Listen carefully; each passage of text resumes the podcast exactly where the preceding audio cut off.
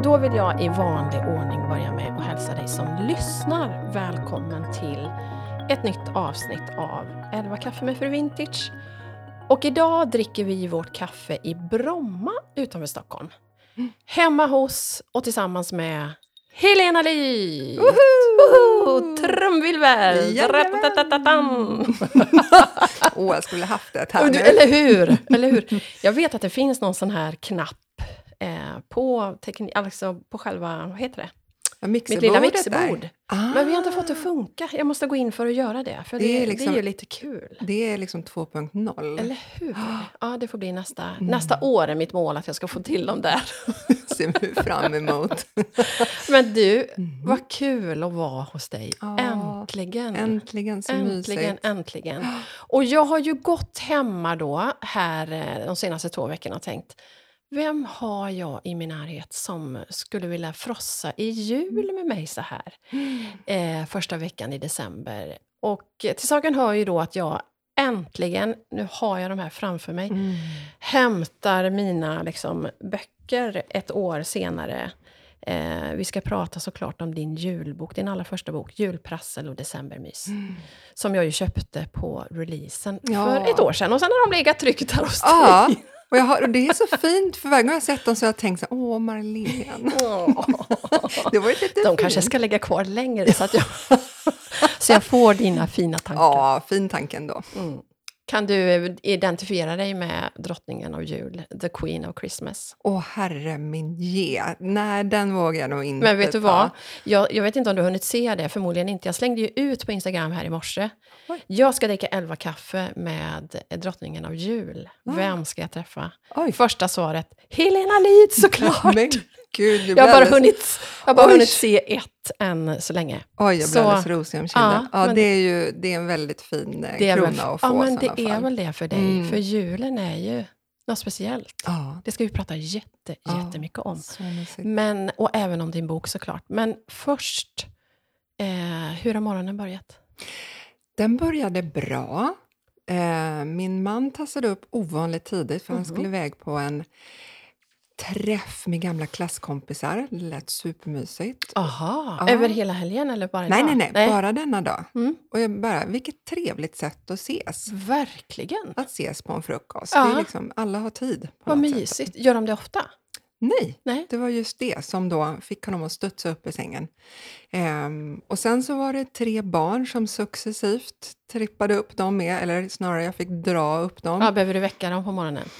En, vår minsta Harry, nio år, han är inte svårväckt utan han står ju liksom och bara... Jaha, ni är inte så Nej, nej, nej, utan han är... Och nu, jag vill bara skicka en tanke och ett stort tack till SVT som gör julkalendern på den tid på året när det är som mörkast och man Ah. faktiskt får upp barnen med Få lite säga. hjälp på traven. Ja, men vi har att vi börjar varje morgon alltid med radio. Så jag satte på julkalender på radion. Och så får den ljuda i huset och sen så trippade då barnen ner successivt ner i källaren där det var Ah. julkalendern. Vad mysigt. Och den ömma modern står och skriker Kom upp och ät frukost! Alltså de äter inte frukost där nere? Nej, jag gav en macka till den som verkligen behöver för att komma igång. Ja, ja. Eh, Men eh, annars är det frukost här uppe i köket. Så att vi har tv nere i källaren så att vi sprider ut oss ganska Just det. lite. Ja, för ni har ju ett enormt hus att sprida ut i det. Vi ska inte glömma att prata om det här Nej. fantastiska huset, för Mm. du berättade ju lite historia. Mm. Men när det inte är december och jultider, har du Mm. några så här morgonrutiner som du alltid gör? Ja, det är ju liksom att eh, jag är väldigt mån om att barnen ska komma upp i tid. Så att det är liksom en, en rutin att få upp dem. För att det, för mig, jag har alltid varit en morgonpigg person och jag tycker man ska liksom ta tag i. Så att det är liksom väcka alla dem och sen så är jag också väldigt noga med att bädda sängarna. Jag är inte en pedantisk person. Jag skulle säga att jag är ganska yvig. Men jag kan inte känna att dagen eh, börjar på riktigt om inte sängarna är bäddade. Och det har att göra med tror jag, min pappa. Vi var ju fyra syskon. Pappa varje morgon skakade alla sängars lakan och bäddade alla sängar varje morgon. Alltså han gjorde det Jajamän. åt er? Ja, och han gjorde frukost på sängen till alla i sex i Men familjen vilken på fin pappa. söndagar. Ja, ja, ja, gud. Värme. Wow. Verkligen en varm Ah. person. Så att för mig är det liksom bädda sängarna. Eh, och sen successivt säga hej då till alla. För nu jobbar jag ju 100% hemifrån. Mm. Så att jag vill på något sätt dra ett streck över familjeliv. Och då blir det liksom det. Och sen eh, tar jag, jag äter, dricker kaffe och äter macka ihop med barnen. Och sen så blir det kopp nummer två är jobbkoppen. Och då var det lugnt och tyst i huset. Ja, men Men vi radio. måste bara, vi måste bara eh, klargöra här. Så du går runt och bäddar alla barns sängar då när de har gått upp? Ja, Ah, och vilken det är ju... lyxig barndom.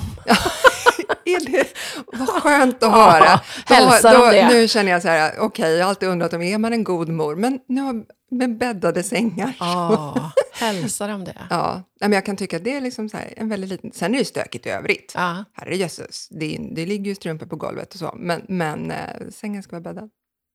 Ja, men vad, vad mysigt. Mm. Och sen trippar de iväg alla barnen och så Mm. börjar du din dag. mm. Mm. Och om vi då, innan vi drar vidare i julstök och ditt jobb och allt vad du Mm. gör. Berätta om det här, både om området Mm. och om ert hus. Ja, vad kul. Ja, men jag, det här är ju ett funkishus i ett område som är då kulturminnesskyddat. Det heter Södra Ängby eh, och ligger i väster om Stockholm i Bromma. Och Ehm, det ligger mellan den ganska stora bullriga vägen, Bergslagsvägen och Mälaren. Eh, och sen så ligger det ett naturskyddsområde här som heter eh, Judan. Så det är liksom inramat av en stor väg, en stor skog och en sjö. Husen, det är cirka 512 hus jag- Cirka Ja, 512. det var, jag tänkte säga 500, så bara, men jag har hört 512 så att jag... det säger avbröt mig. Exakt 512. Ja, korrigering. 512 funkishus. wow. Och alla är nästan till kvadratiska och vita, putsade. Och så har det då, när det började byggas där 1934-35, de första husen, då var det sadeltak med lite, lite brutet tak. Inte så här klassiskt eh, pepparkakshus brutet, men lite snett, Mhm. men ganska platt. Och sen så byggde man då hus för hus för hus. Så man byggde inte, smällde inte upp 12 hus samtidigt, man byggde ett i taget. Och för varje hus så fick man väl då lite mer självförtroende för funkisstilen. Så det blev plattare och plattare tak. Ah. Så det här kallas ju då sockerbitsstaden också. För att det är vita sockerbitar alltihopa. Ja, men för det är ju lite grann som att åka in i en paket med Ja. sockerbitar. Ja, men det var ju så roligt när du körde förbi, för att säga, jag kan inte säga det vita huset med en tall framför, för det är precis. exakt alla hus är vita med en tall framför. Ah. Så de här, det är kulturskyddesminna, eh, vet kulturminnesskyddat. Eh, så att man, vi får inte göra några renoveringar eh, på utsidan, utan det ska se ut som det gör. Och varför jag sa tall förut, för att även tallarna är skyddade. För de Aha. ingår i stadsbilden här. Ja, vad fint. Så att om det är en tall, som vi hade träd här som dog på tomten, då måste man be om bygglov för att ta ner en tall. Så, och då planteras det väldigt ofta nya om det inte liksom är eh, om det blir för tomt, helt enkelt. Så tallarna är, eh, de är då... Om man tänker en allé, då brukar man ju bygga liksom rak väg och sen är det träd, raka linjer och husen. Men här är det tvärtom, att det liksom är husen som är raka, så får träden vara snirklig, Ja, snirkliga. just så att man skyddade alla träden när man byggde husen, så att de fick byggas runt. Så det är något Wow. väldigt fint i det. Ah, fantastiskt. Så det började byggas här på 30-talet och den gata vi bor på, eh, det är den sista gatan som byggdes och det var 1940. Och då var det ju krig. Ehm, så att troligtvis var det väl då kriget som satte stopp på den här byggnationen. Och det hus vi sitter i nu, det har lite så här lullull som rundade fönsterrutor. Ja. Du har lite kassettak och lite såna här saker. Och det, vi har fått höra att det sattes in för att få det sålt helt enkelt, i och med att det var krigstid. Så där har liksom, den här gatan kan ha lite såna extra detaljer i Aha. kåkarna. Wow. Men det är väldigt häftigt för att inget hus är det andra likt. Så alla har liksom någon detalj. Och sen uppe på höjden mot vattnet, de husen, det var byggherrarna själva som byggde och designade dem. Och de är ju, det är som att gå eh, det kallas ju här, mm, lilla Hollywood för att de husen ser ut att vara Los Angeles-kåkar. De är jätte, jättefina verkligen. Så det här är en, ett väldigt speciellt område. Ja, men verkligen. Och det som var extra speciellt när du berättade att du har vuxit upp här. Ja. Tre kvarter ifrån, härifrån, det här huset, så um, växte jag upp. Uh, och min mamma bor kvar i det. Och det är även min mammas barndomshem, för min morfar köpte tomten 1937. Så han var med och, uh, ja, han byggde inte själv, men han fick bestämma lite hur han ville ha rummen och sådär. Så att min mamma bor kvar i sitt barndomshem som första. Alltså hon är generation två. Och så har jag flyttat hit och generation tre och fyra då. Wow! Men då måste jag undra, har ni liksom gjort klart med barnen vem som tar över dem? För ni måste ju bo kvar i området. ni kan inte Nej, lämna. vet du vad? Jag har en sån tydlig bild av att vi, vi tar hand om det här huset ett tag och sen skickar det vidare. Jag vill gärna tro att hus, man, man, man tar hand om det. Eh, när barnen har flyttat härifrån så ska inte jag och min man Mårten bo kvar här. Är det så? Du tänker inte att du ska dö? Nej, nej. nej jag känner att jag... Eh, jag vill vara ytekonomisk. Jag vill inte känna att rummen ekar tomt, för det kommer bara få mig att bli nervös, eller jag säga. Men, men eh, jag behöver inte ett bibliotek, eller musikrum eller ett gästrum till. Liksom. Så um, nej. Klokt. Ja, nej, men jag vill känna att man har det man behöver. Mm. Å ena sidan då, Helena. Å andra sidan är vi ju i det läget att sen kommer de ju tillbaka, barnen, med mm. barnbarn. Och så vill de komma och hälsa på och ja. sova över. Ja, absolut. Men jag tänker att vi kan skapa nya platser. Ja, såklart. Ja, för min mamma bor kvar och jag känner att det är, det är superduper mysigt. Men eh, hon bor i ett hus som var byggt för fyra. Ah. Eh, vi var ju fyra syskon, så vi bodde ju jättemycket trängre än vad mamma bodde med sin bror där och mormor och morfar. Eh, men det är... Nej. Jag vill känna att man, jag och min man och sen eventuella gäng katter eller något. Ja, precis. Som det ju ligger två stycken här. Ja, och de ingick i huset. Ja, de ingick i köpet. Aha. Helt fantastiskt. Ja. Hur länge har ni bott då? Det är nio och ett halvt år. Så katterna var fem och sju när vi flyttade in. Så de har, vi har ju haft dem längre än de tidigare ägarna. Men det är helt klart de som bor här. Ja, vi är bara Ni fick flytta in på några. Ja, men det är klart. Det tror mm, jag. Det. Mm. Men du berättade också, för här på väggen sitter ju en liten ah. knapp mm. eh, som jag ser här från min plats. Vi sitter i matsalen. Och vid den så finns det på väggen en liten, ser ut som en liten ringklocka. Ja. Och den är ju egentligen en fossil från hur det såg ut från första början, så den är bevarad. Den har ingen funktion. Men den gick då in till det arbetskök som fanns då. Eh, för att alla de här husen, alla de här 512, byggdes med pigkammare. Så att husen var menade att ha ja, tjänstefolk och det känns ju idag ah. superfrämmande. Och jag pratade med mamma om det. Hur, kunde man ha då en piga hemma. Men det var ju just för att det var en tid där man hade hemhjälp. Vi tar ju hjälp också idag, men ja, vi har dem inte precis. boende nej, hos oss. Nej. Um, så det, överallt i huset så fanns det vissa ringklockor. Det finns en kvar uppe också i vårt sovrum som på ritningarna står herrrum. Jag har inte hittat på ritningen någonting där det står damrum. Ja. Det måste du skriva dit. Ja, jag vill inte tro att det var köket. Men, så det var ringklockor dit. Men då, vårt kök är omgjort, så man har tagit ner väggen från det som var ett litet arbetskök och pigkammaren, så det har blivit ett arbetskök med en liten matplats nu. Um, så där bodde ju då husan. Så din mamma och hennes bror växte ja. upp med piga? Ja. Mm. Och det var ju en statussymbol för att mormor jobbar ju som lärare.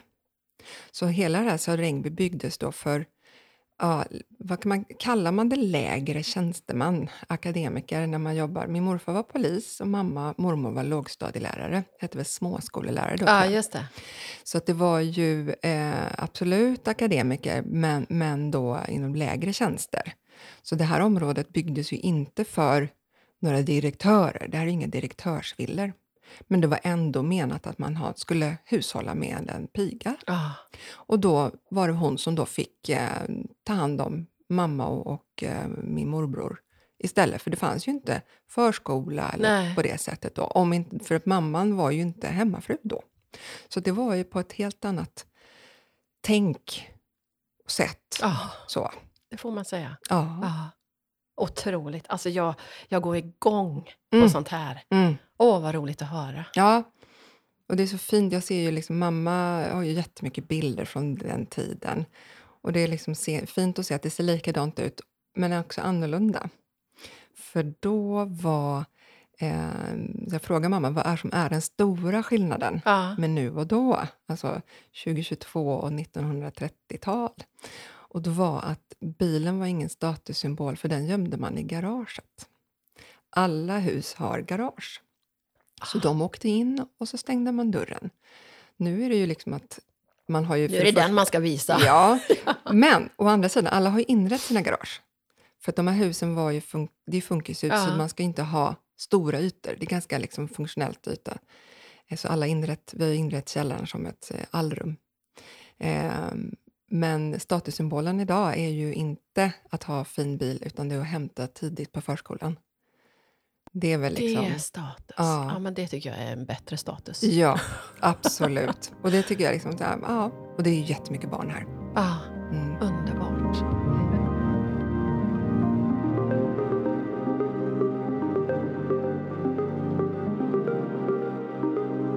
Du, när vi är inne på historia, vill jag på säga, eh, så jag att vi fortsätter med den här lilla pyttefrågan. Vem är Helena Lyth? För den som inte har en aning. Ja, idag är Helena Lyth en egenföretagare som eh, skapar mycket material åt sina egna och andras kanaler. Eh, jag har kallats bloggare och har numera kallats jag väl för influencer. Eh, har också kallats för pysselproffs och Mhm. inspiratör. Så att man kan ju sätta många titlar på mig ut, som professionellt. Sen är man ju mamma, fru, kompis och allt vad det är. Ehm, men min bakgrund ligger ju i reklambranschen och då var det väldigt enkelt att säga att jag var art director. Ehm, då var jag bara det. Nu är man ju allting. Ah. Det ska göras eh, så mycket. Men du jobbade som AD i 22 år. Ja. Berätta, alltså har du pluggat något? Har du bara glidit in på ett bananskal? Ja, men- eller liksom hur det Ja, gått om, vi, det som, om vi backar tillbaka till 1990-tal, när jag bestämde att jag skulle jobba i reklambranschen, då var det ju reklamskolor man skulle gå. Men man behövde, först för att komma in där så behövde man ju lite arbetsprover och erfarenhet. Så det var ju då väldigt mycket lärlingsjobb. Så att jag eh, gick alla möjliga olika kurser och jobbade som assistent på reklambyråer och fick lära mig väldigt mycket. Och sen så gick jag Bergs och eh, efter det så jobbade jag på flertalet olika byråer och ja, var i reklambranschen som AD och jobbade jättemycket med eh, den typen av kommunikation som jag tycker är roligast. Det är alltså direkt mot konsument.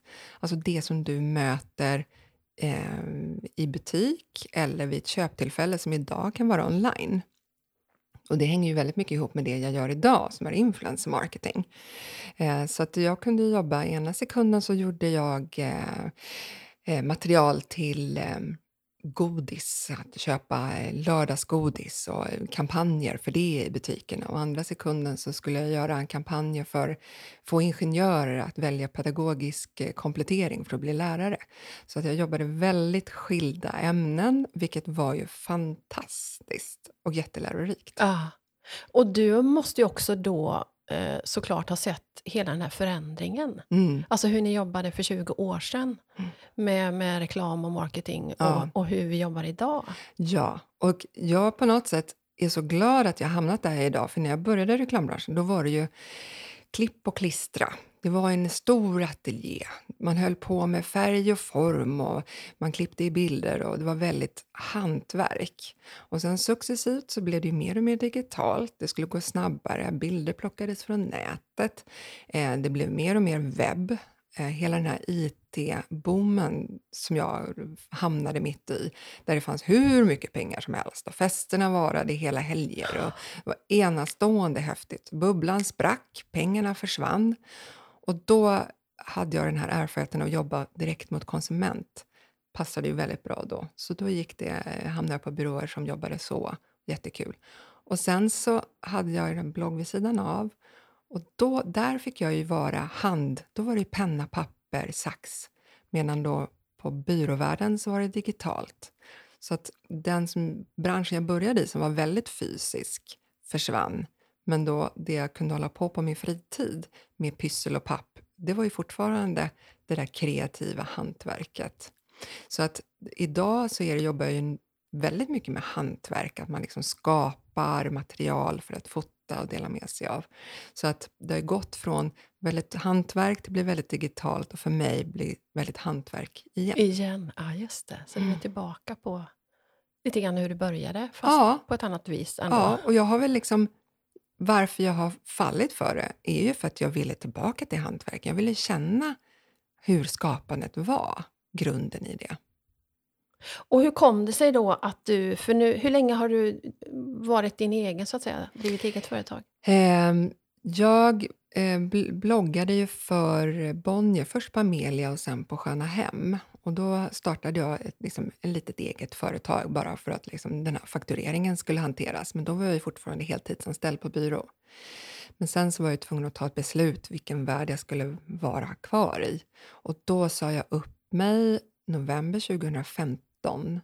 Så där mån- årsskiftet 2015-16, då blev jag helt egen. Mm. Så det, det är ju, vad är det nu, Kö- vad är det, fyra, sex år? Ja, Jag tänker inte ens, tiden bara går. när tiden bara går. Men då kastar du dig ut lite, alltså Ja. utan, utan att ha en massa... ja, jag hade ju min blogg på Bonnier då, på Sköna Hem, så att jag hade ju en deltidsinkomst. Just det. Och sen så jag pratade jag med min man liksom och så här, okej, nu har jag möjligheten här att faktiskt testa det här. Jag har varit ett halvt arbetsliv i reklambranschen som anställd. Ska jag fortsätta med det? Eller är det nu, när liksom så här, brytet 40 år, ska jag göra det här brytet nu? För att om jag väntar, då kommer det inte ske. Nej. Och då så kom vi överens om att okej, men vi testar det här. Vi hade ju liksom tre barn och ett stort hus och ett liv. Liksom så här, att ta bort en ganska stor inkomst är ju en chansning. Ja, men verkligen. Så vi bara, men vi testar ett halvår. Och så hade jag som tur att jag direkt vid, eh, när jag slutade, fick liksom en annan deltidstjänst som innehållskreatör eh, åt Adlibris. Så att jag, eh, när jag sa upp mig, hade någonting att gå till. Ah, Så att eh, jag tackar ju någon lycklig stjärna att alla stjärnorna stod rätt just där och då. Så att det, och sen har det rullat på. Ehm, mycket för att jag har hela tiden sagt ja. Jag har gjort jättekonstiga saker. Jättemånga konstiga vad är det saker. konstigaste? Att vara med på eh, Vem bor här? Helt plötsligt så säger jag ja till det. Aldrig varit i tv någonsin. Eh, var med i Nyhetsmorgon, direktsändning. Aldrig gjort någonsin. Eh, de ringde från eh, P4 och frågade om jag skulle vara med i radio. Jag var höggravid och skulle få barn typ en vecka efter. Jag bara, jajamän, det gör jag. Eh, stått i köpcentrum, gjort jättekonstiga pyssel och grejer. Alltså, det är så många konstiga saker, men allt, jag kan säga allt som har varit jättekonstigt har alltid lett till någonting annat. Mm. Så liksom det här med stepping stone, okej, jag gör det här. Eh, antingen är det liksom någonting jag lär mig på och aldrig gör igen, eller så möter jag någon som var meningen att jag skulle göra det. Ah, smart, Ja. klokt, verkligen. Mm. Ja, jag har, har verkligen utmanat mig. Vad är det bästa då, skulle du säga, eh, om du, nu med att vara egen? Eh, ja, men först var det väl liksom att jag... Eh, vi, våra barn är födda 13... Nej, jo, nu ska vi se. 13, 10 och 09. Så att jag har ju gjort det här när de har varit väldigt små. Så jag har kunnat liksom gå med dem till skolan, jobbat hemifrån, varit här när de kommit hem. Hela den biten har ju varit ofantligt Ah. värdefull. Så att jag kunnat kombinera att starta min egen firma och vara hemma. Eh, få förunnat. Jag vet det verkligen, eh, men det har varit en, en vinst för oss som familj. Och sen så, eh, när jag jobbade på byrå, då, den byrån jag jobbade på, som jag ska uppifrån, vi var 85 personer som störst. Wow! Jättemånga kollegor. Ja. Och då är det väldigt många som frågar, men hur är det att vara ensamföretagare då? Och bara, men jag pratar med ungefär 85 personer varje dag, fast inte fysiskt. För att jag har, alltså, du och jag pratar över kanalerna, Ja, ja. massa olika nätverk, man pratar med varann. Som det här, jag ska skicka den här bilden, Vi- vad tycker du om den? Jag behöver hjälp med en offert, vad tycker du om det här? Alltså jag har så många fantastiska kollegor. Eh, vi, många skulle kunna tro att vi är konkurrenter, men vi, vi alla kompletterar varann. Och det, har jag liksom, det hade jag ingen aning om när jag startade, att jag skulle ha sån personer som jag verkligen kallar nära vänner idag. Mm, mm. Det har varit en fantastisk rikedom. Jag har ju en hel del lyssnare som inte lever i vår lilla bubbla. Så, så vad, vad är det som du gör? Kan du berätta liksom om Mm. några uppdrag som du har just nu till exempel? Ja, men eh, jag har, eh, kan få ett uppdrag, säg att jag ska marknadsföra en viss godissort till jul. Och då säger de så här, men Helena, vi vill att du säger någonting om det här godiset, men med din touch.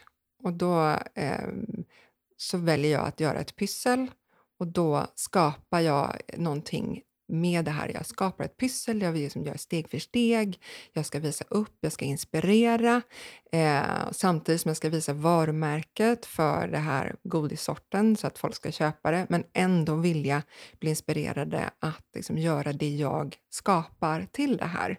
Och då är det liksom komma på idén, införskaffa allt material, eh, göra steg för steg, allt det, eh, både text och bild, eh, styla, fotografera, och sen så handlar det om att redigera, det kanske är film.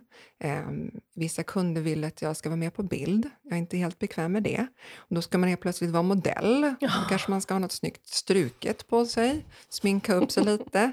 Eh, så att från liksom när jag var AD på byrå, då var jag bara ansvarig för eh, idé och bild.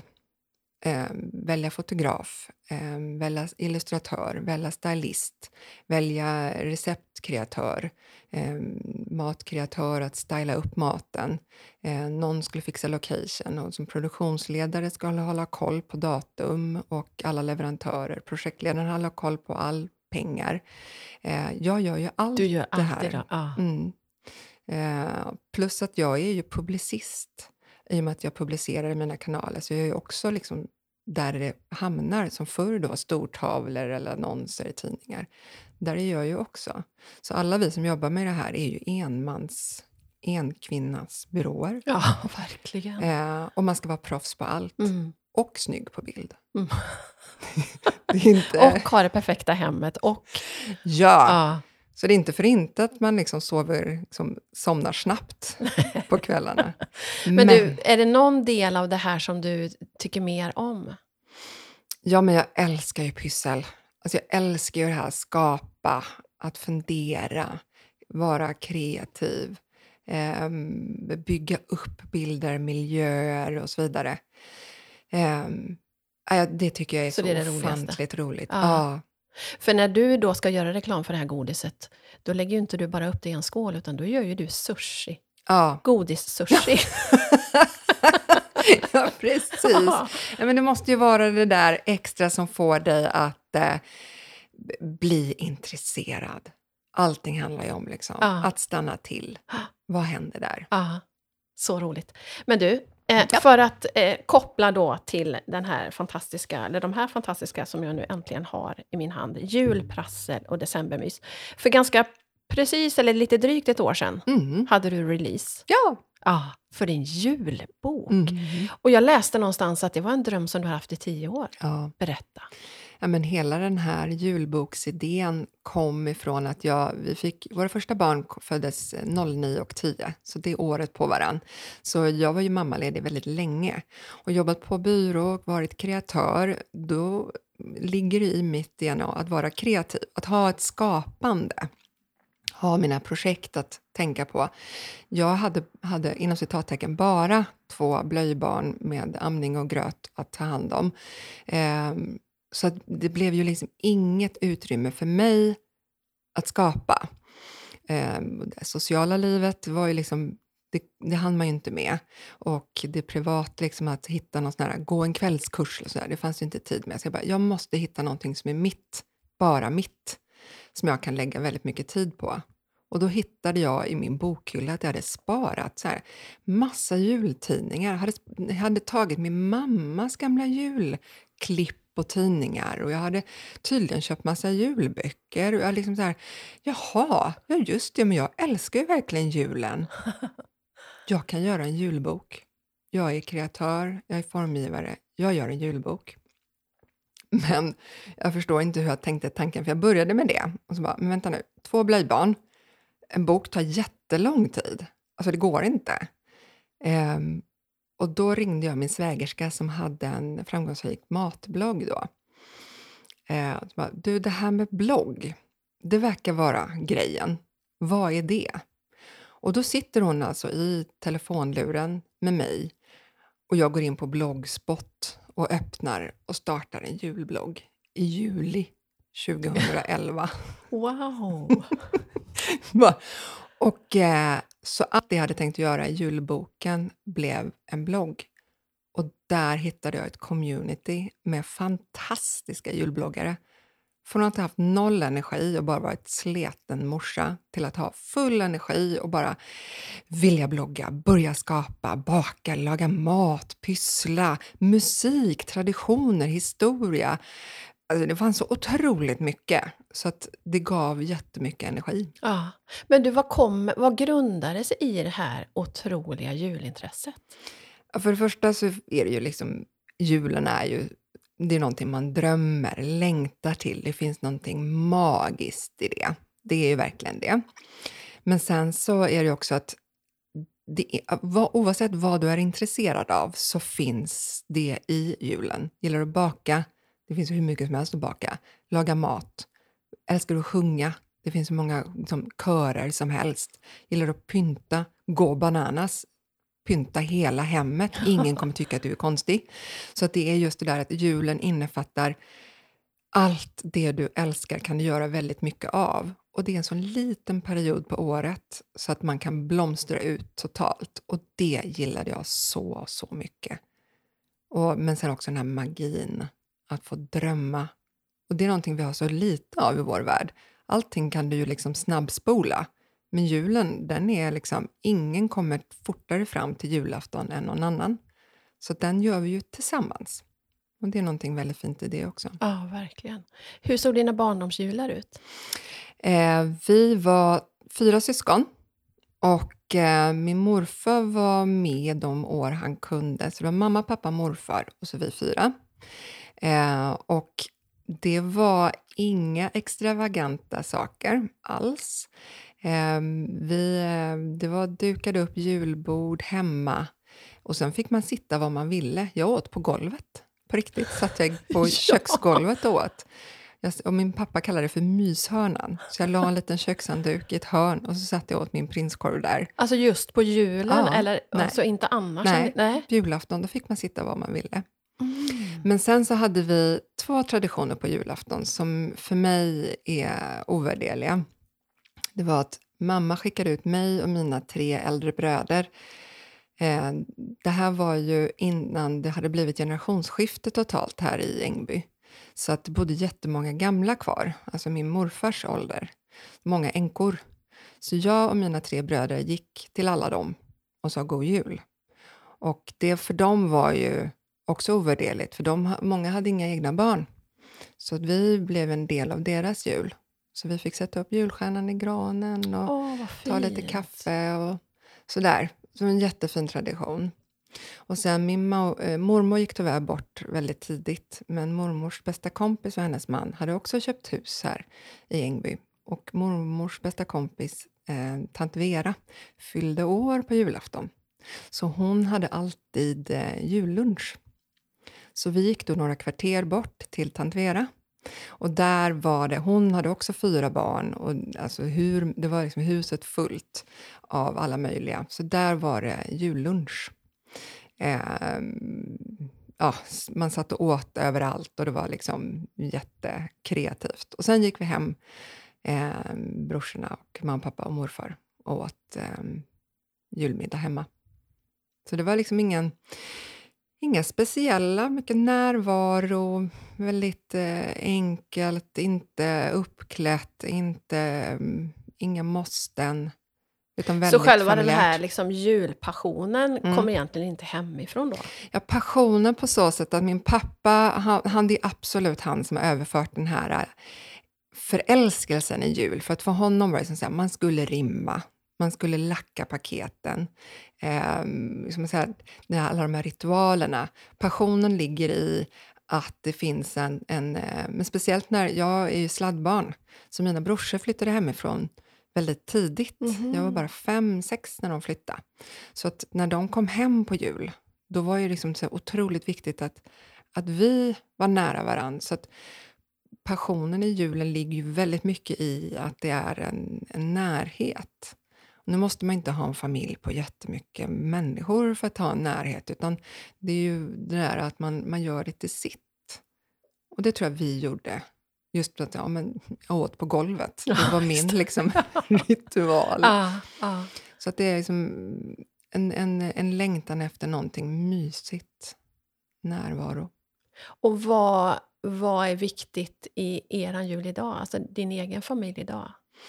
Ja, vi har ju skapat, vi har ju tagit, min man han kommer från en, jag har ju en kärnfamilj, min man har en stjärnfamilj med liksom eh, många halvbröder, styvbröder och allt vad det är. Ehm, och då har han kunnat plocka olika traditioner från sina familjer och jag har mina, så vi har väldigt många traditioner i ett. Så han har haft en, ett frukosttradition som inte jag alls är uppvuxen med. Mm. Så vi har en väldigt liksom, tydlig frukost frukost och sen hur man delar ut paketen och sen har vi skapat, eh, vi firar oftast här hemma och eh, med mina bröder och mamma då. Och, ehm, så vi blir 18 personer. Och vi har nu skapat sedan 4-5 år att vi har, ehm, man möts i trädgården på eftermiddagen efter kalanka för de som vill se det. Ehm, en utomhusbuljong så att vi har alltid liksom en träff ute i trädgården.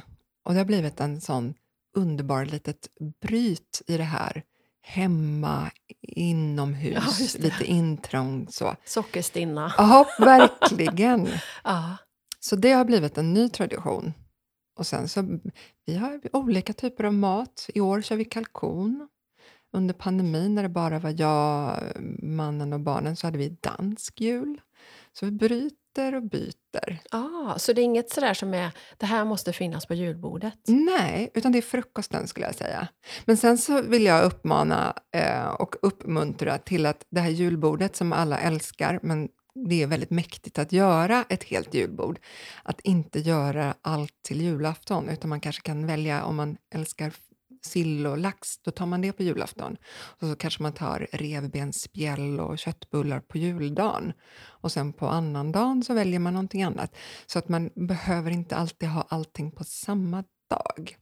Eh, det, det brukar vi göra. Så att vi, nu har vi kakon och så kanske vi på juldagen har hela den här sillmiddagen istället.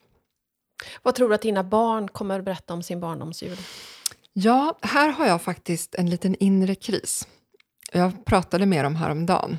okay. ja, jag var tvungen att sätta mig ner och prata med dem. För, för mig har julen varit ett längt.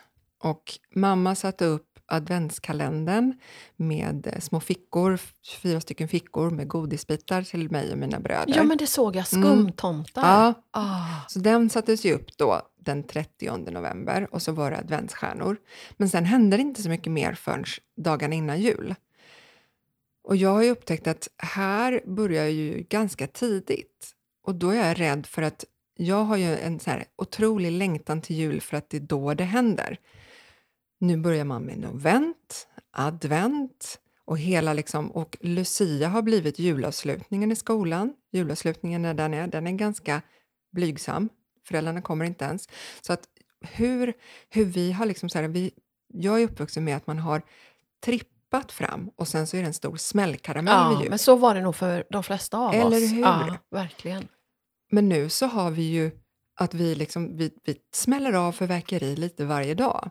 Hur kommer då barn längta till jul när våra barn växer upp?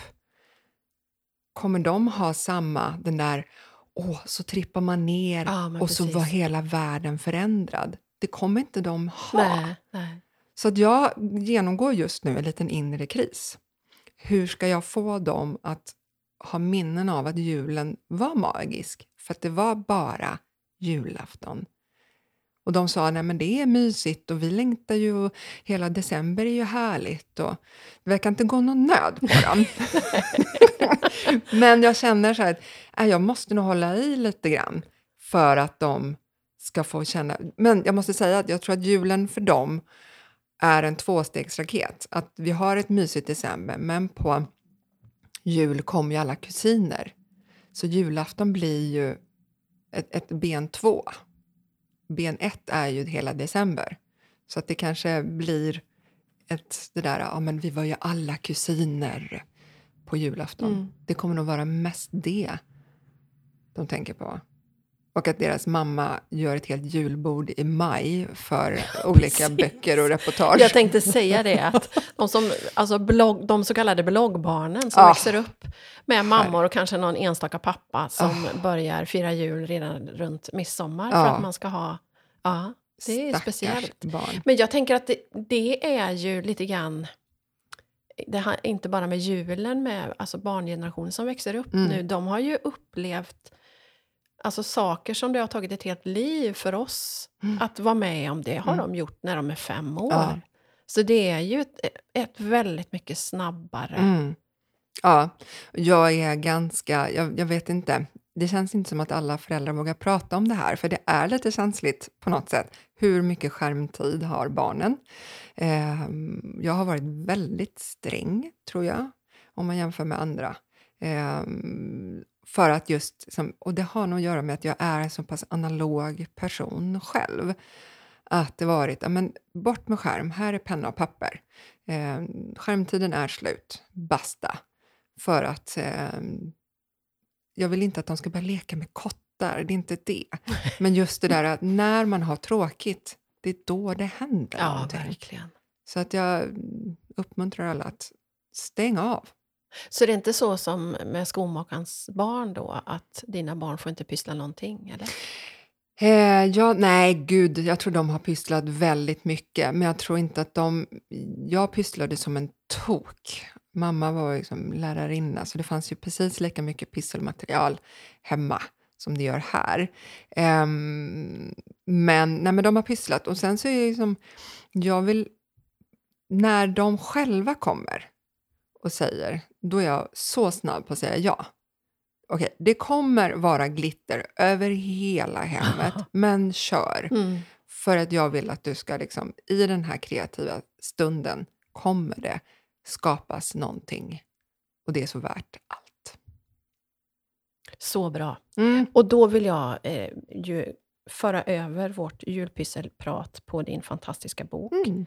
Vad, har du något så här enkelt och inte alltför dyrt pysseltips Mm. som man kan göra med familjen Ja, från jag, boken? ja, jag har en... Eh, jag brinner väldigt mycket för att det ska vara enkelt att pyssla. Och steg ett är att du inte ska behöva köpa material. Ehm, för att det är då det är enkelt och Ja, du kan komma bra. igång. Mm. Och sen har ju det också med liksom en cirkulär och hållbarhetsvinkel såklart. Men någonting som jag tycker är väldigt kul det är att vi kommer alla äta edamerost under jul. Och det här vaxet som sitter på edamerosten, eh, den har jag skurit av i remsor. Och så har jag snurrat det som en polkagris runt ett eh, stearinljus. Så då får du eh, eh, som en, liksom ett dekorerat ljus. Och Du kan också stansa ut små hjärtan eller stjärnor i det här röda vaxet och trycka på. Så att från någonting som du skulle slänga så har du gjort en dekorativt julljus. Ja, men det här är så fantastiskt. Jag har ju Mm. sett det här pysslet. Mm. Trycker man bara dit det då? Ja, handens värme Ja. får det att fästa. Ah. Och det, ja, men det är så... ja, Och det men- kan ju alla oavsett ålder klara av. Oh ja. Ja. Och det blir väldigt, väldigt kul och det är väldigt roligt att se barnen. För att jag säger så här, jag är polkagrisar och så börjar de med det och sen plötsligt så ser jag hur de gör bokstäver eller trycker ut saker. Och någon gjorde något eh, som stjärnfall med massa stjärnor som blev färre och färre. Ah, superroligt att bara sätta igång. Jättebra. Mm. Men du, eh, tillbaka till de här äldre då som ni knatade runt och, och Mm. gjorde jul tillsammans med när du var liten. Hur ser du på, för samtidigt som det är en fantastisk tid av gemenskap och så är det också en tid när många ensamma känner Mm. sig ännu mer ensamma. Ja, men, och det ställs verkligen på sin spets. Och det här är någonting som jag... Det är ju lite jobbigt att jag liksom är så pass julig och liksom försöker inspirera till massa julpyssel och dukningar och allt vad det är. Liksom. Och sen vet man att det är några som, om de skulle trilla över mitt material, får jätteont i magen. Eh, och jag kan ju bara uppmuntra då alla att se sig omkring. Har man någon ensam i sin närhet, fråga om den vill vara med. Det, liksom, det behöver inte vara svårare än så. Och jag liksom hade ju en väninna som skilde sig och det, fanns, ja, det såg ut som att hon skulle vara ensam. Och då bara, "Ja, men vill du vara med oss? Och bara vetskapen om att hon hade fått frågan och att hon kunde få välja gjorde ju liksom att hon här, kände att hon, hon var välkommen någonstans. Och det tycker jag liksom att bara se sig om. Mm. Eh, och ja, som vi bor stort, liksom, det, det är klart att vi har plats för en till. Mm. Och det har ju har hänt att det har varit en, en som har trillat in här. Men eh, för mig, att bara knacka på dörren. Och jag gjorde faktiskt så med eh, våra barn. Eh, 20, vad blir det nu? Ja, innan pandemin, 19 måste det ha varit. Och då berättade jag om hur jag och mina brorsor gjorde. Och barnen var så här, va, ska vi ut på julafton? Och då hade vi kokat eh, julkolor och skulle ge. Så att det var inte bara knack, knack, god jul, utan knack, knack, god jul, här får du lite julkolor. Och så vi gjorde det och barnen kände sig fruktansvärt skeptiska. Ehm, och, men sen så blev det ju att de slogs om vem som skulle få ringa på nästa dörr. Ja, just det. Och det var ju inte bara ensamma vi knackade på, utan det var ju alla på gatan. Och eh, det var ju en sån... Vad häftigt det var! Ah. Av, av, det måste jag säga, lite egoistiska skäl. Som så här, känslan hos mig var ju så fantastisk också. Att få känna att man verkligen kunde ge bara ett god jul. Ah. Eh, för det är väldigt eh, svårt att, att någon skulle ta illa upp. Liksom. Så också det att... Eh, det, Valborg och midsommar, två andra högtider där man kan ses i en park med människor som man inte känner. Det är ju högtider som är väldigt öppna. Man ses runt en Ja, brasa precis. och man är en i mängden Ja. och man kan liksom, språka med andra. Så det är två högtider som är väldigt, väldigt öppna. Här är det ju väldigt det tvärtom. Alltså det är in, man stänger dörrar, det är mörkt ute, ingen vill vara ute. Så det är ju liksom också att julen ligger ju... Tack vare att det ligger så... Alltså julen har ju blivit vad den är för att den ligger på den mörka Mm. årstiden. Vi vill vara inne och mysa, men det gör också att dörrarna stängs. Mm. Så att ehm, det skulle ju vara fint liksom, om det fanns någon, sån här, någon typ av midsommarfirande, ny, valborgsfirande vid den här högtiden. Att det fanns en sån här, ja men klockan 12 så är det på torget i byn ehm, varm äppelglögg. Ja, men och. Många kyrkor har ju sådana Ja. firanden. Vår kyrka har ju så. ja, Att man kan komma, Mm. äta jullunch, få en julklapp, ja, dansa kring granen. ja, Men jag tänker så, när du berättar hur fint ni har gått runt och till grannarna, att det ligger ett väldigt ansvar hos oss som vuxna kan jag tycka att dels lära barnen att den här verkligheten som de, många av dem lever i Mm. är inte verkligheten för alla. mm, Och att kunna öppna en dörr och vem kan vi liksom, ge någonting till i vår närhet. Men också att, få, att ge dem, precis som du är inne på, den här glädjen. Mm. Att, för det är ju den största glädjen. Mm. Att se någon annans lycka när, Ja. man, när man gör den här lilla grejen. Ja. Jag vet med våra barn, de är, de är vana vid att det var alltid en eller flera eh, andra utifrån familjen som var med på jul. Och Mm. en sån jul som de fortfarande pratar om, det var under flera år så hade vi en granne som var ensam, han hade ingen familj och inga anhöriga, så han var alltid med oss på jul.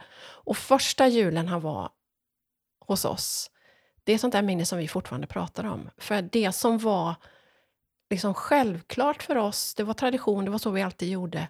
Han uttryckte att det var som att gå på Nobelmiddagen. Han var så lycklig. Jag blir Mm. nästan tårig när jag Ja. tänker på det. Eh, hur en sån liten En gest, sån liten gest. och ja. inte bara för honom, utan det pratar våra barn fortfarande om. Mm. Mm, det är så fint. Ja, Mm. Och det är det julen handlar om egentligen. precis. precis. Tänk om vi kunde dra lite grann mer åt det. För det, samtidigt som det är fantastiskt med sociala medier och allt vi kan sprida, så är det ju men den här pressen som Mm. vi också pratar mycket om, Mm. att, ehm, att det ska vara så perfekt och Mm. man ska pyssla och man ska Mm. baka och allt ska vara hembakt och hemkokt. Och, och... Fast det ska ju inte vara det. Jag, blir, alltså jag känner ingen julstress för att jag har bestämt mig att julen för mig ska vara bara mysig. Ja, men för det var en fråga jag tänkte ställa. Ja. Har det alltid varit så eller har du bestämt dig? Nej, nu är det slut med julstress. Ja, vi hade den första julen vi hade när vi flyttade hit. Eh, då var vi 19 runt bordet. Och vi hade ehm, absolut att alla i familjen skulle bidra. Ehm, men det skulle liksom vara nu ska vi göra det här, nu ska vi göra det här.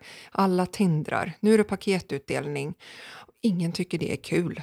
Och det, var liksom, det blev en fantastisk jul, men det blev liksom stöpt i en form som inte var vår.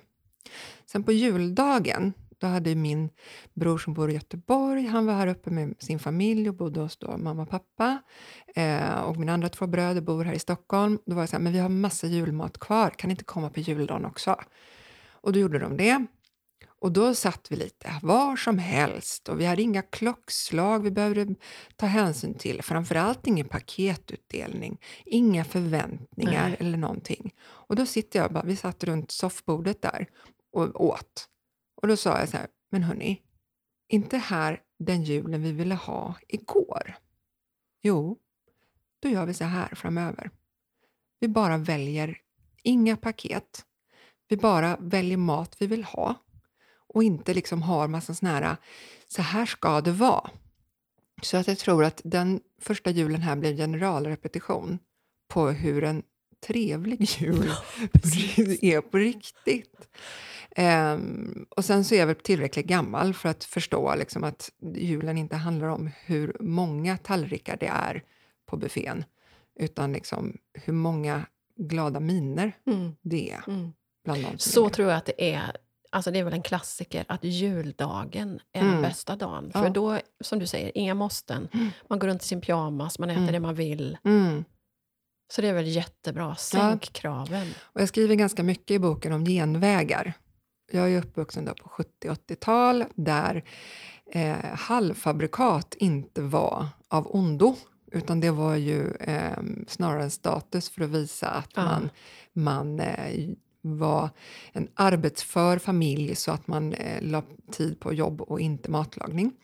Har ändrats lite. Eh, så att halvfabrikat har funnits hela min uppväxt. Så jag är inte alls främmande för att liksom så här, ja men okej, det blir inte handrullade köttbullar i år. Det finns väldigt många andra som gör det jättebra. Köp dem då! Mm.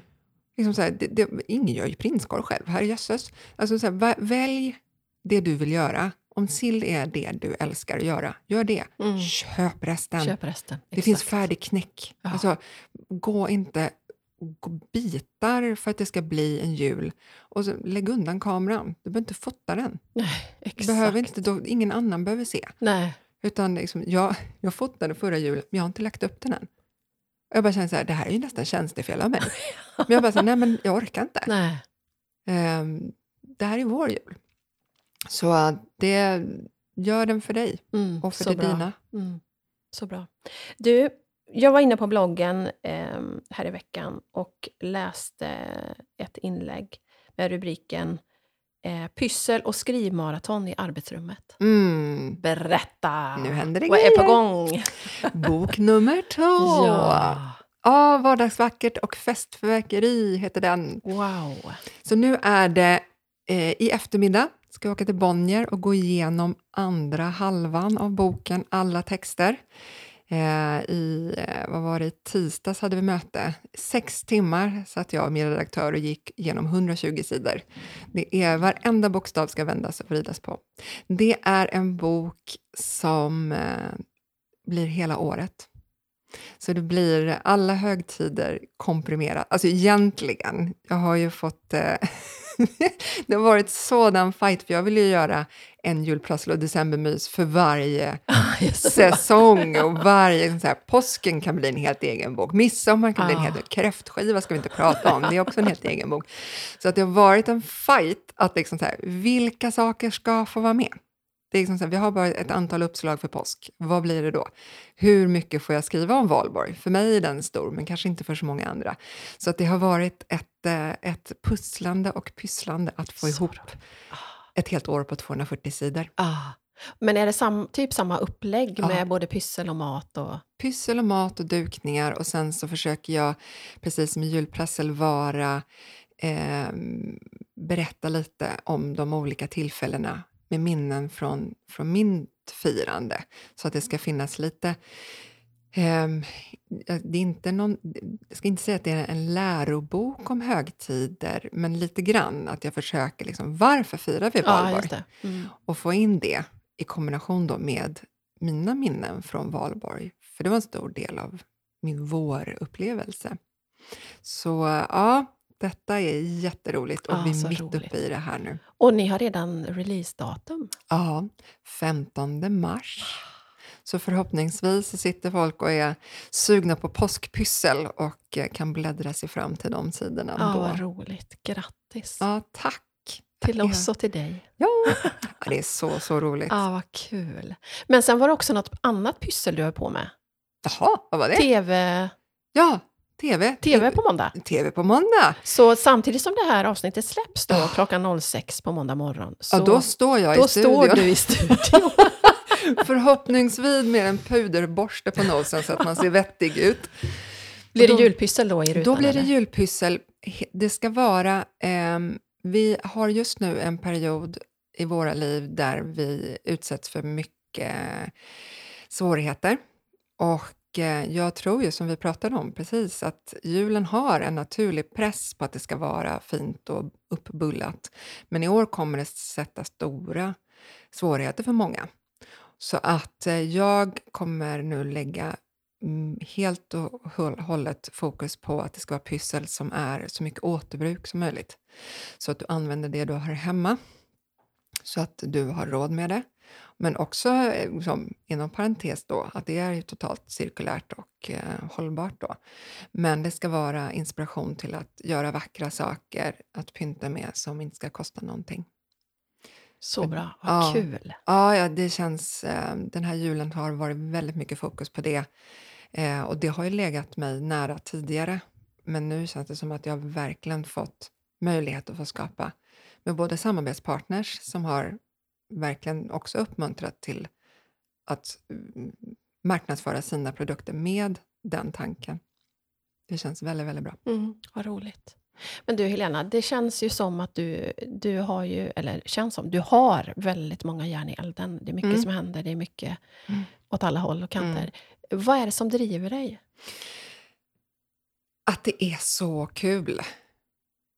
Det, jag har ju det här, absolut. Jag har en väldigt pigg, kreativ 86-årig mor. Som, hon, det är inte mossa på den stenen. Nej, nej, nej. Utan det är alltid någonting som sker. Du brås på henne med andra ord. Ja, Ja. och hon eh, säger liksom så här, hon, eh, min pappa gick bort för tre år sedan. Och då har vi liksom, men innan så hade ju pappa och mamma, jag är uppvuxen med att det varit middagar varje helg.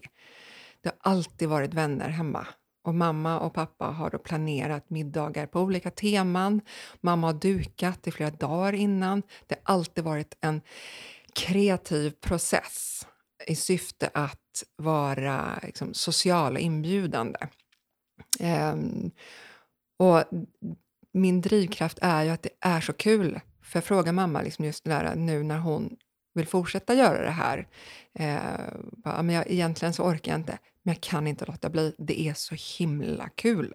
Och det är precis samma sak. Att liksom så här, det dyker upp en idé, jag måste bara få ut den. Och eh, det ger så mycket tillbaka. Nu ringer telefonen.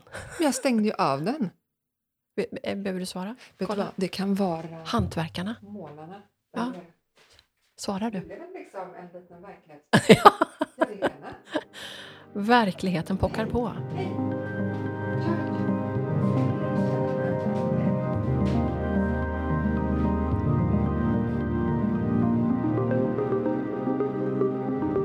Men du, vad gör du för att fylla på energin? Åh. Alltså det finns ju, jag är ju jag är jättebra på att vara själv. Jätte, jättebra på att vara själv, men jag är ganska dålig på att vara ensam. Så att jag, jag älskar ju liksom att gå långa promenader. Det är min, eh, min motionsform. Att liksom bara gå och det är då min kreativa process verkligen sker i skogen där. Det låter lite klyschigt, men det är faktiskt så. Det händer jättemycket. Och det kan också se när jag är på tunnelbanan så kan det också komma så kreativa idéer. Men fylla på att vara själv eh, och sen också motsatsen då, att umgås med eh, jättemycket folk. Jag älskar att ha långbord dukade, att ha mycket människor omkring mig. Det är liksom, jag tycker det är så underbart att få öppna upp vårt hem till jättemycket folk, vänner och umgås på alla sätt. Men sen så är jag... Jag kan få energi av att bara gå runt på stan själv och bara titta på saker liksom, ha, i det här skyltfönstret har de gjort så här. I den här butiken så har de hängt upp så här. Jag skulle kanske ha gjort så där. Liksom så här, titta på saker, vända och vrida, göra min tolkning på något sätt så. Um, men jag får väldigt mycket energi också av att vara kreativ. Mm. Så det, liksom, det blir ju som ett självgående hjul till slut. Att ju mer kreativ jag är, desto mer kreativitet får jag. Men är din man likadan med stora middagar? Och, och... Mm.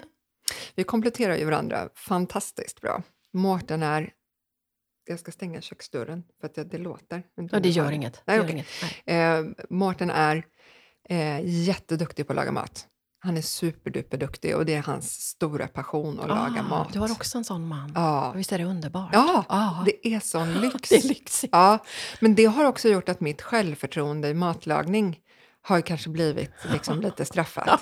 Så att jag har ju liksom låtit honom laga mycket, men nu har jag ju med mycket av mitt jobb säga, nej, jag kan och jag älskar det också, men jag vet att han älskar det än mer. Ja. Så att han går all in på att bygga upp menyer och smaker och hitta drycker till. Och så går jag totalt loss i dukningen och kan planera liksom hur länge som helst. Underbart. Ja, så att vi, det liksom har blivit lite av en sån, att, inte projekt, det ska jag inte säga, men eh, vi gillar att skapa kvällar åt våra vänner. Eh, och det finns ingenting heller att ses över eh, ett bord, tända ljus och god ja. mat. Så ni går lite grann i dina föräldrars fotspår där? Ja. ja. Med, det är så gulligt, vår äldsta son Ruben, det var någon gång som eh, var så lördag, vi sitter och äter frukost. Han bara, ah, vad händer ikväll? Nej, men vi, vi käkar lite middag så kanske vi kollar på någon film. Va? Ska det bara vara vi? de älskar också att det är mycket folk ah. här. Så att liksom våra kompisar med sig sina barn. Jag, jag älskar att vara den där lek...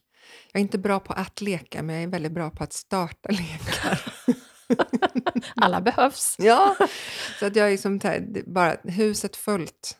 Och det kanske är att jag kommer från en stor familj själv. Att det ska liksom... Det, jag, hus ska fyllas. Mm. Och det är lite av det där att jag inte vill bo kvar här när barnen har flyttat. Liksom, Jag vill att huset ska kännas fyllt. Men du, hur träffades ni, Mårten och du? Jag gick fram till honom och sa hej, jag heter Helena. Vart var ni då? Nej, det var, ja, det är så underbart.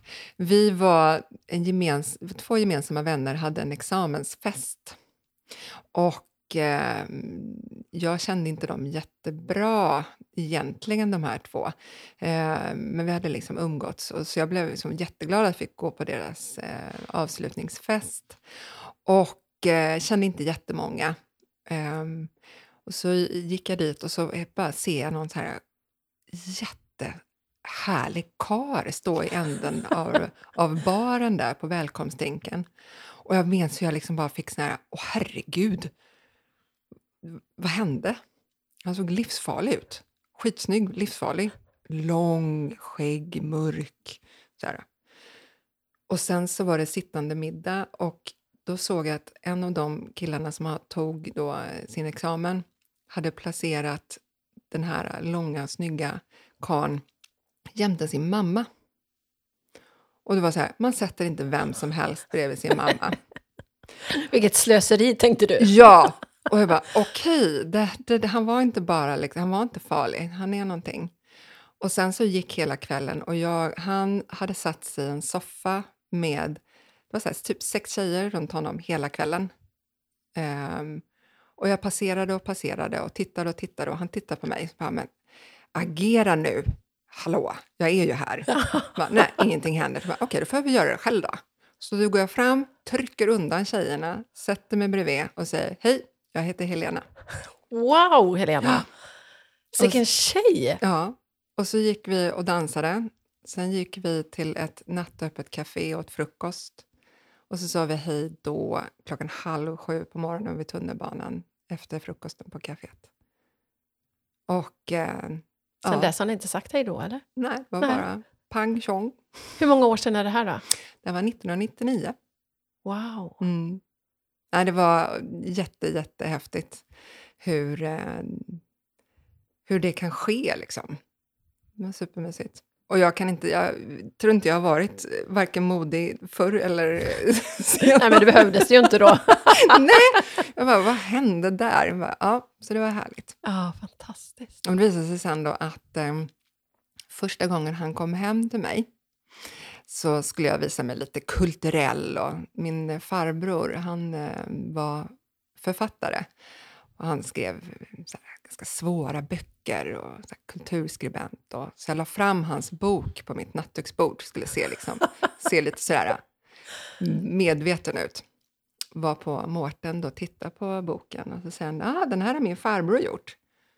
Och jag bara, ja, precis. Alltså min farbror, Torsten Ekbom, det, har min, det är min farbror, han har gjort den. Nej, nej, nej, alltså den här har min gjort, farbror gjort, säger han.